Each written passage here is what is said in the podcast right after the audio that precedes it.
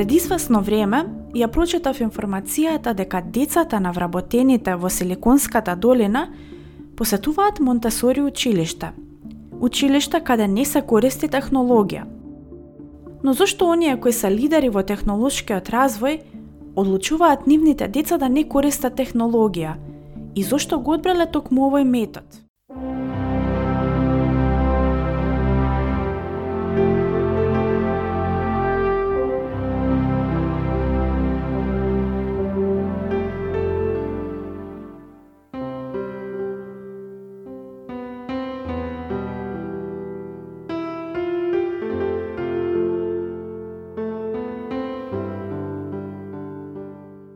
Здраво! Добре дојдовте на подкаст каналот Алетеа.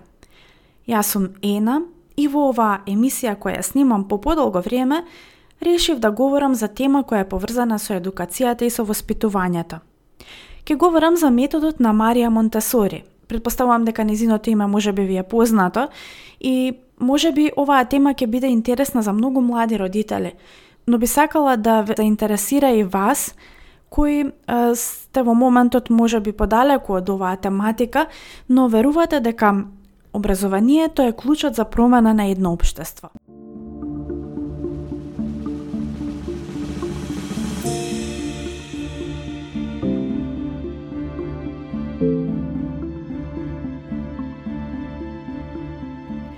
Јас пак прв пат се сретнав со името на Марија Монтесори на моите студии – ме заинтригираа незините идеи за педагогијата и уште тогаш посакав да се задлабочам во оваа незина, можам да кажам, револуционерна педагогија. Па така имав можност одблиску да бидам дел од еден едукативен центар кој се раководи според низините принципи. Бев фасцинирана од резултатите кои ги постигнуваа децата и нивото на развој која го имаа. А Пред 9 месеци кога зачекорив во светот на родителството, ја започнав потрагата по вистинскиот пат за бидувањето родител. Се уште сум преплавена со многу совети, со многу информации, но решив да се вратам кон идејата на Марија Монтесори. Така, во моите раце пристигнаа незините книги Абсорбирачки ум и Тајната на детството –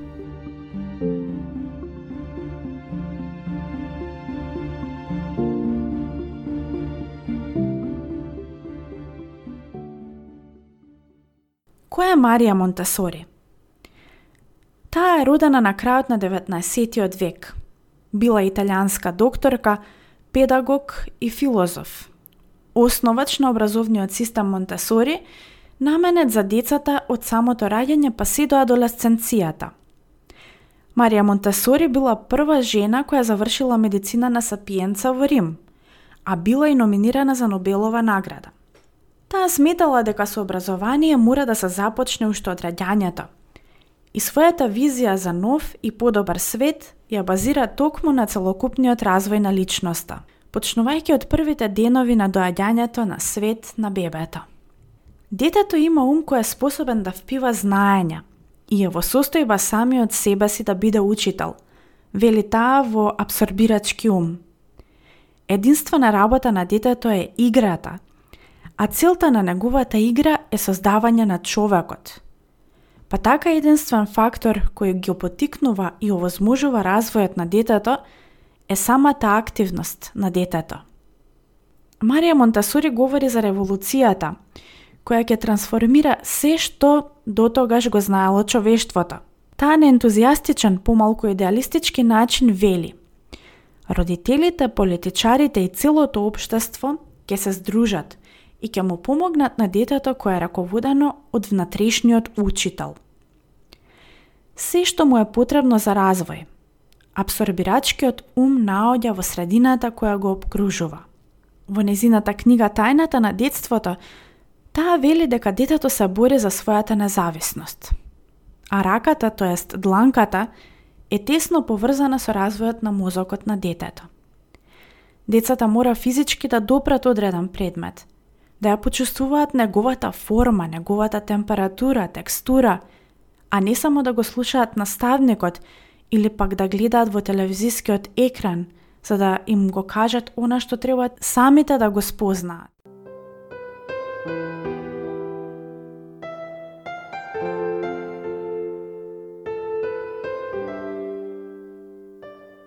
Главните столбови на незината филозофија – однос, кој што ќе се гради кон детето, а е базиран на почит.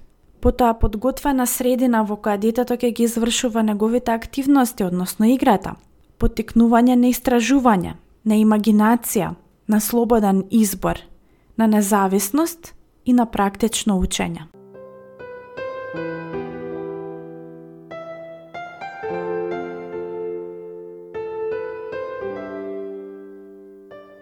Во светот, а и кај нас, се повеќе родители се одлучуваат овој метод да го практикуваат во своите домови со своите деца. Подготовката на средината за детето во домот се менува во согласност со неговата возраст. Кога е уште малечко, акцентот се става на безбедноста и просторот на подот за лазење, движење и истражување. Се со цел да се зголеми чувството на независност – во согласно со можностите на просторот во која живее семејството.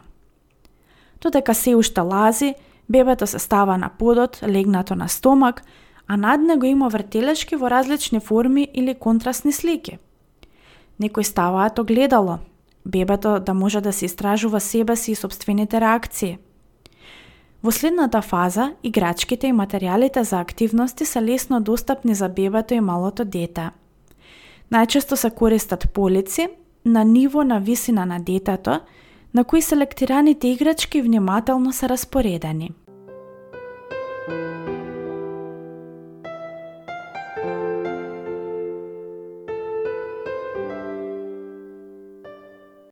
Еден од најмукните дарови кои родителот може да му ги дари на своето дете е можноста за избор. Во таа насока, детето се потикнува да прави собствени избори, што е добра подготовка за самостојност, нели? Иако детската психа се уште не е подготвена да донесува одлуки како возрастните, сепак родителите му овозможуваат безбедна и корисна понуда на детето.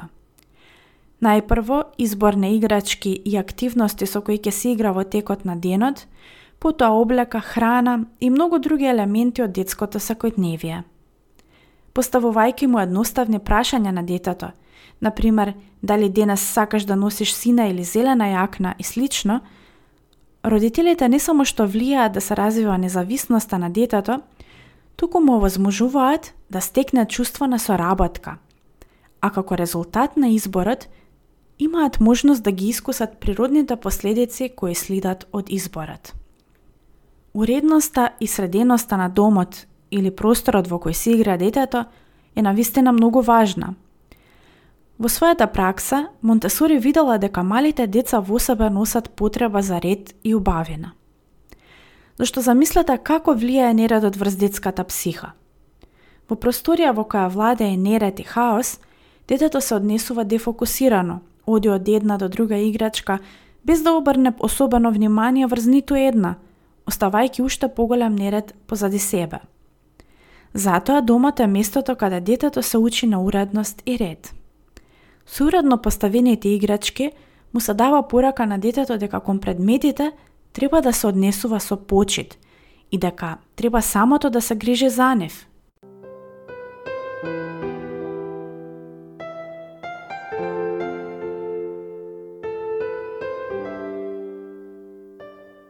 Една од идеите на Монтесори филозофијата е активно учество на детето во семејниот живот.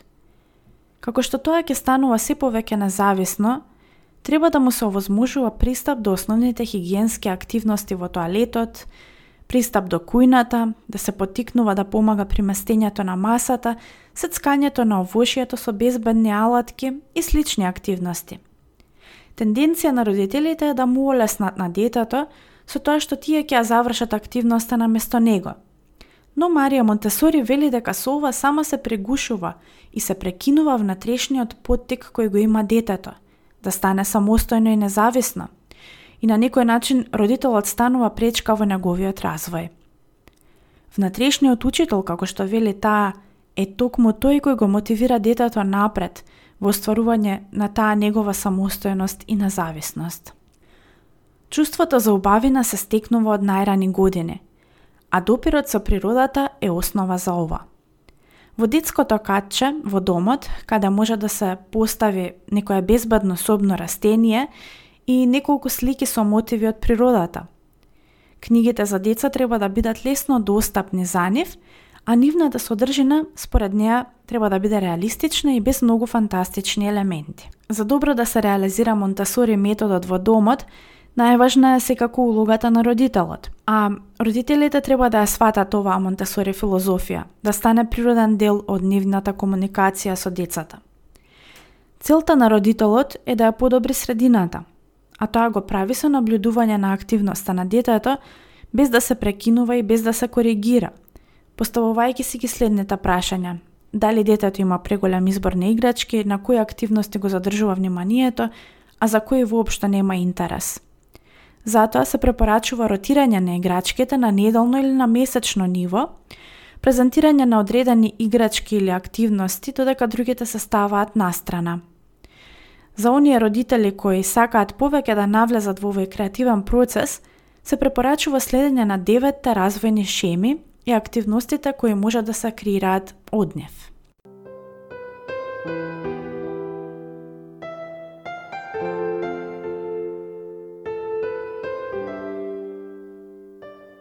Концентрацијата, дисциплината и самостојната игра се градат постепено, а на тој пат родителите му се помошници на детето. Сите овие барања од родителите можат да бидат сватени како уште еден дополнителен ангажман во и така комплицираниот живот, но можеме да гледаме и на следниот начин.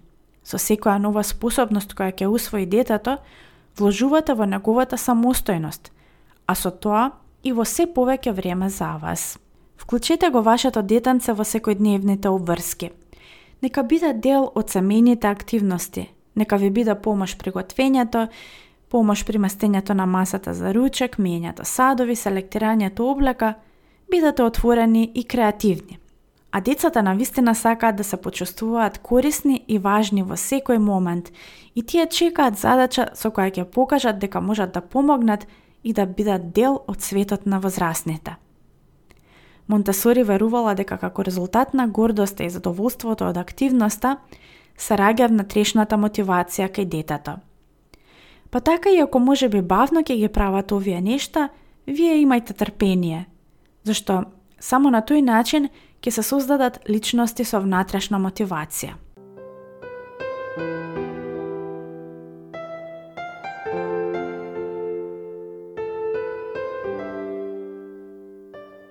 На оваа тема има уште многу да се зборува, но јас тука ќе застанам.